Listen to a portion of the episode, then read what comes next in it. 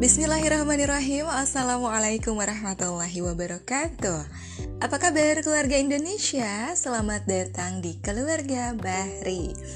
Kembali lagi di segmen book review. Masih di buku Diskursus Islam, Politik, dan Spiritual. Kali ini kita akan melanjutkan di halaman 48 Nah kalau misalnya keluarga Indonesia ada yang pengen di review bukunya boleh dong ya untuk hubungi saya boleh di nomor WhatsApp di 0856030656 atau boleh juga kalau mau di M Instagram at umu almahira underscore. Boleh di situ bilang aja teh book review kali ini tentang buku ini dong gitu ya. Boleh nanti kita sama-sama review kita sama-sama baca dan juga kita review tentunya. Seperti apa kira-kira dan pokoknya Mudah-mudahan sih bisa bermanfaat ya untuk semuanya teman-teman sehingga bisa lebih dekat lagi dengan aktivitas membaca. Mungkin teman-teman di sini ada yang kesulitan untuk mengalokasikan waktu buat baca gitu ya. Gak usah khawatir, dengerin aja podcast dari keluarga Bahri Project karena insya Allah kami akan menghadirkan berbagai macam buku-buku yang tentunya penuh gizi untuk menemani hari-hari Anda dan juga keluarga. Oke, kali ini kita akan lanjutkan di subbab atau subtema bahasan keistimewaan manusia yang pertama, yaitu kebutuhan jasmani. Nah, keluarga Indonesia, kebutuhan jasmani manusia merupakan kebutuhan mendasar atau basic needs yang timbul akibat kerja struktur organ tubuh manusia. Jika kebutuhan dasar tersebut tidak dipenuhi, struktur organ tubuhnya akan mengalami gangguan dan bisa mengakibatkan kerusakan. Sebagai contoh, jika tubuh manusia kekurangan air, maka kerja organ tubuhnya akan mengalami gangguan yang kemudian akan menyebabkan penyakit. Penyakit ginjal adalah contoh penyakit yang terjadi akibat tubuh manusia kekurangan air. Kadang-kadang kebutuhan jasmani tersebut berkaitan dengan peredaran zat yang ada dalam tubuh. Karbon dioksida contohnya. Ketika tidak bisa dikeluarkan dalam bentuk kentut akan menyebabkan perut mual dan sakit terus-menerus. Atau sisa zat makanan tidak dapat dikeluarkan dalam bentuk kotoran besar, juga akan mengalami sakit dan mual. Juga ketika manusia berada dalam kondisi kekurangan oksigen, maka akan mengalami sesak nafas dan mungkin akan mengakibatkan kematian. Inilah bentuk kebutuhan jasmani. Jadi, kebutuhan jasmani ini merupakan kebutuhan organ tubuh yang berkaitan dengan kadar tertentu yang telah ditetapkan oleh Allah Subhanahu wa taala pada manusia atau hewan. Jika kadarnya kurang atau melampaui batas, maka tubuh manusia akan mengalami gangguan. Dalam hal ini Allah Subhanahu wa taala telah memberikan isyarat di dalam Al-Qur'an surah Ar-Rum ayat 23. Dan di antara tanda-tandanya, Dia ciptakan tempat untuk tidur kamu di waktu malam dan siang. Atau di dalam Al-Qur'an surah Al-Mu'minun ayat 33. Ini adalah manusia biasa yang masih memerlukan makan sama dengan apa yang kamu makan dan minum sama dengan apa yang kamu minum. Pada kadar tertentu, kebutuhan jasmani ini wajib dipenuhi, sebab jika tidak dipenuhi akan menimbulkan kerusakan dan kematian. Dengan demikian, kebutuhan jasmani merupakan kebutuhan dasar atau al-hajat al-asasiyah manusia yang wajib dipenuhi. Karena itu, sesuatu yang asalnya haram pun dihalalkan oleh Allah Subhanahu wa taala untuk orang-orang yang membutuhkannya karena ketika kebutuhan dasarnya tidak terpenuhi akan mengakibatkannya binasa. Allah Subhanahu wa taala berfirman di dalam Al-Qur'an surah Al-Maidah ayat 3. Maka siapa saja yang dalam keadaan terpaksa tanpa unsur kesengajaan dan membangkang, maka tiada dosa baginya. Ayat di atas dinyatakan oleh Allah Subhanahu wa taala dalam konteks keharaman bangkai, darah, daging babi dan sebagainya. Benda-benda tersebut kemudian dibolehkan oleh Allah untuk orang-orang dalam kondisi terpaksa, semata-mata untuk mempertahankan hidupnya. Karena jika tidak memakannya, dia akan mengalami kematian. Nabi Shallallahu Alaihi Wasallam juga tidak menjatuhkan sanksi hukum kepada orang yang mencuri pada masa kelaparan dengan alasan untuk memenuhi kebutuhan dasarnya. Rasulullah Shallallahu Alaihi Wasallam bersabda yang artinya, tiada hukuman potong tangan kepada pencuri ketika mencuri pada masa kelaparan yang luar biasa. Hadis riwayat Mahwa. Karena itu, Umar bin Khattab tidak menjatuhkan hukuman potong tangan kepada seorang pencuri ketika mencuri pada zaman krisis yang dilakukan semata-mata untuk memenuhi kebutuhan dasarnya. Dengan demikian, dapat disimpulkan bahwa memenuhi kebutuhan jasmani ini wajib dilakukan. Jika tidak dipenuhi, pasti akan menyebabkan kehancuran dan kebinasaan. Atau jika dipenuhi dengan tidak mengikuti kadar yang telah ditetapkan oleh Allah, maka akan menyebabkan hal yang sama, yaitu kerusakan. Karena itu, manusia wajib berusaha memenuhi kebutuhan jasmaninya agar tidak ditimpa kerusakan. Meskipun hukum asal usaha untuk memenuhinya adalah mubah, namun jika telah sampai pada batas yang bisa menimbulkan kemudorotan ketika tidak dipenuhi, maka hukum untuk memenuhinya menjadi wajib. Makan contohnya adalah aktivitas mubah yang menjadi wajib dilakukan ketika menyebabkan kerusakan. Demikian halnya dengan kewajiban bekerja, bisa dikembalikan mengikuti kadar terpenuhinya dan tidak kebutuhan dasar seseorang. Jika kebutuhan dasarnya belum terpenuhi, maka bekerja untuk memenuhi kebutuhan dasar tersebut hukumnya wajib. Berbeda ketika kebutuhan dasarnya telah terpenuhi, maka hukum bekerja untuk memenuhi kebutuhan seperti ini statusnya adalah mubah. Di samping itu, kebutuhan jasmani adalah kebutuhan yang lahir dari dalam tubuh manusia yang tidak ada kaitannya dengan faktor eksternal. Rasa lapar, contohnya, jika telah terpenuhi sampai batas kenyang, maka meskipun ada makanan yang lezat dan nikmat sekalipun, tetap tidak akan mampu membangkitkan selera makan seseorang sampai perutnya lapar kembali. Jika muncul juga keinginan untuk makan makanan lezat, hakikatnya bukan karena lapar, melainkan karena dorongan naluri ingin tahu, ingin mencoba, dan sebagainya. Sehingga makanan tersebut akhirnya dimakan juga. Inilah gambaran secara umum mengenai kebutuhan jasmani manusia. Keistimewaan manusia yang kedua yaitu naluri. Naluri manusia adalah khasiat yang merupakan fitrah penciptaannya supaya manusia bisa mempertahankan eksistensi, keturunan, dan mencari petunjuk mengenai keberadaan sang pencipta. Naluri ini memang tidak bisa langsung diindra oleh manusia, namun dapat dijangkau oleh akalnya melalui tanda-tanda atau fenomena yang terlihat darinya. Allah Subhanahu wa Ta'ala telah mengemukakan keberadaan naluri tersebut melalui beberapa fenomena yang dinyatakan dalam beberapa ayat Al-Quran, antara lain di dalam Al-Quran Surah An-Nahl ayat 68. Dan Tuhanmu telah mewahyukan kepada lebah, buatlah sarang-sarang di bukit-bukit, di pohon-pohon kayu, dan di tempat-tempat yang dibuat oleh manusia.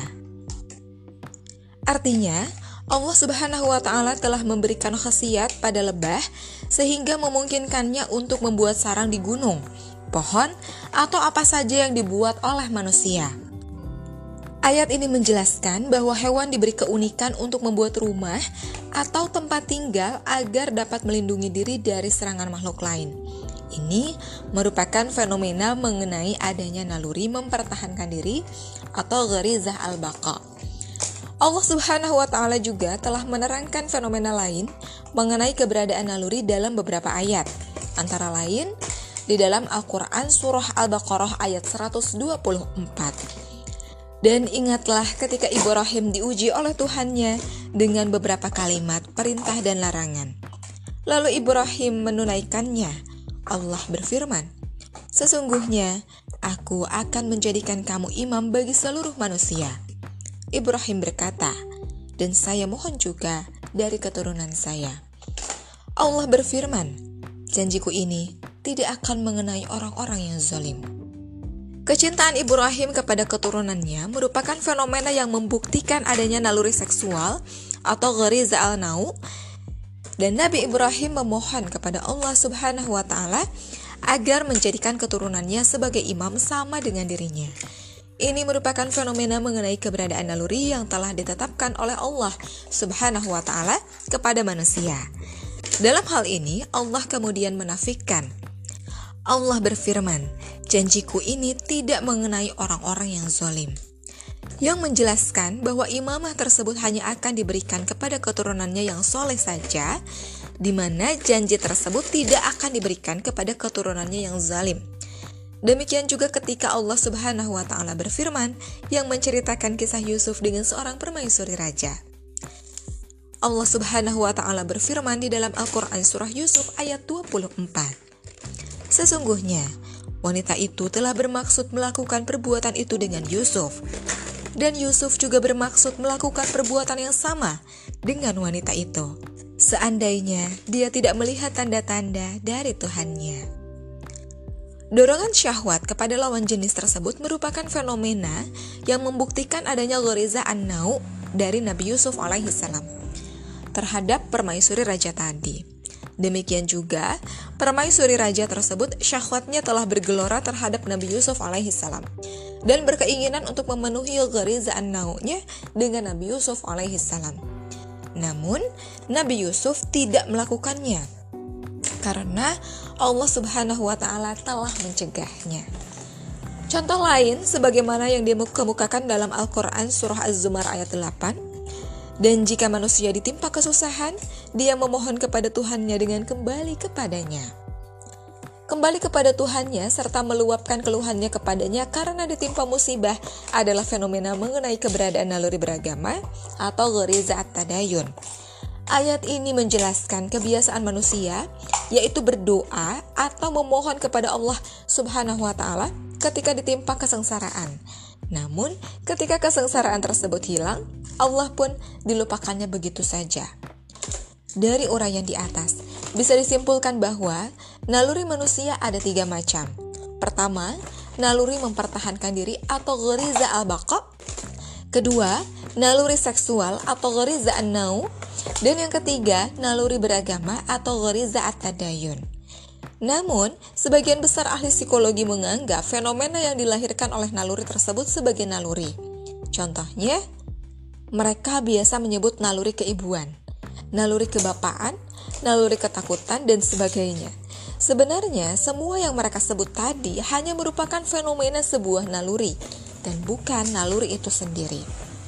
Namun, perlu difahami bahwa ada perbedaan antara naluri dengan kebutuhan jasmani.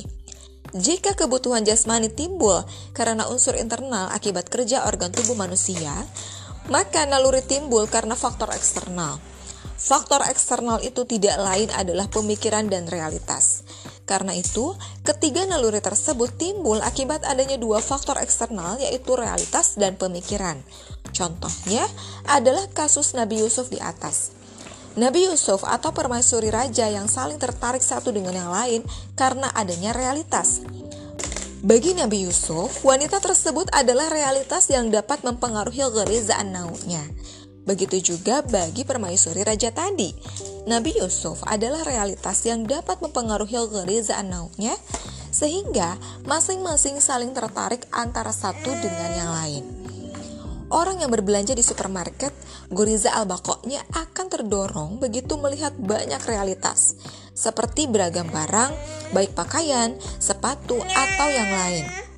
Semua barang tersebut merupakan realitas yang dapat mendorong goriza al-bako orang tadi, sehingga dia terdorong untuk membeli barang. Bahkan orang tersebut kadang kebingungan untuk memilih karena semua barang yang ada telah mendorong goriza al-bakoknya dan kalau bisa semuanya ingin dibeli. Orang yang takziah kepada orang yang meninggal dunia akan teringat mati dan timbul rasa takut mati pada dirinya. Sementara dia merasa belum siap karena merasa masih mempunyai banyak dosa. Perasaan seperti ini juga lahir dari orang yang melihat realitas, yaitu jenazah yang dimandikan, dikafani, disolati, kemudian dikubur, lalu jenazahnya ditinggalkan sendiri dalam kubur.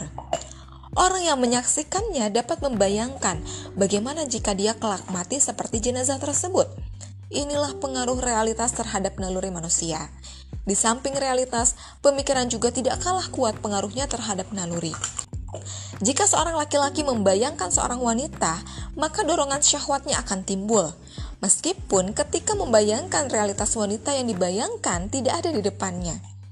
Seseorang yang membayangkan betapa enaknya mempunyai rumah indah, kendaraan pribadi, serta kebutuhan yang serba cukup, pasti akan mendorong keinginannya untuk mempunyai semua barang tersebut. Begitu juga ketika seseorang membaca Al-Quran, kemudian merenungkan isinya, antara lain tentang kenikmatan surga, lalu timbul kerinduannya untuk meraihnya. Semua contoh tadi merupakan pengaruh pemikiran. Kedua aspek eksternal inilah yang mempengaruhi lahirnya naluri manusia. Karena timbulnya naluri tersebut bukan dari dalam diri manusia, tetapi dari kedua aspek eksternal tadi. Maka ketika dorongannya timbul, dorongan tersebut tidak harus dipenuhi. Jika naluri tersebut tidak dipenuhi, seseorang tidak akan mengalami kerusakan atau bahkan sampai mengalami kematian. Tidak, naluri tidak akan mengakibatkan akibat-akibat seperti ini. Meskipun demikian, naluri tidak dapat dibunuh atau dihancurkan. Yang memungkinkan hanyalah dialihkan pada yang lain atau ditekan. Contoh, kecintaan pada istri dapat dialihkan pada kecintaan kepada ibu. Kerinduan pada istri bagi seorang suami yang jauh meninggalkan istrinya dapat dialihkan dan dikalahkan dengan naluri yang lain. Caranya dengan menjauhi realitas yang bisa membangkitkan nalurinya, Misalnya, tidak berinteraksi dengan wanita, tidak melihat foto istrinya atau anak-anaknya, ataupun tidak menyibukkan pikirannya dengan keluarganya. Kemudian, pikirannya dipenuhi dengan hal-hal lain, antara lain dengan zat al-wakil atau zat yang maha mewakili yang mampu mewakili urusannya, yang menjadi tempatnya berserah untuk menyerahkan seluruh urusan keluarganya. Meskipun demikian, tidak berarti bahwa naluri tersebut dapat dilumpuhkan secara total sebab naluri merupakan bagian dari fitrah manusia.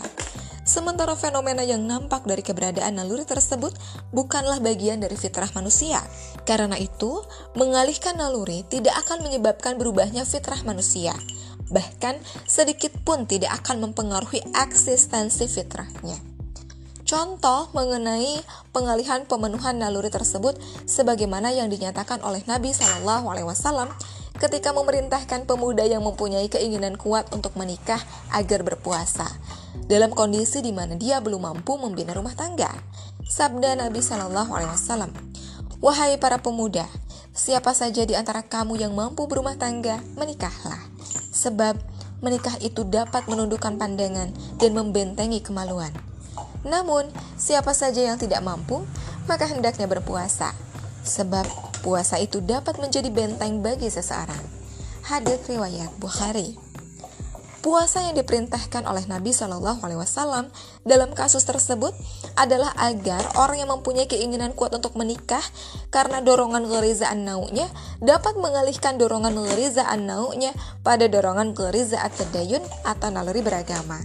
Karena puasa merupakan ibadah dan tiap ibadah mempunyai tujuan yang ingin dicapai yaitu meningkatnya kekuatan ruhiyah seseorang.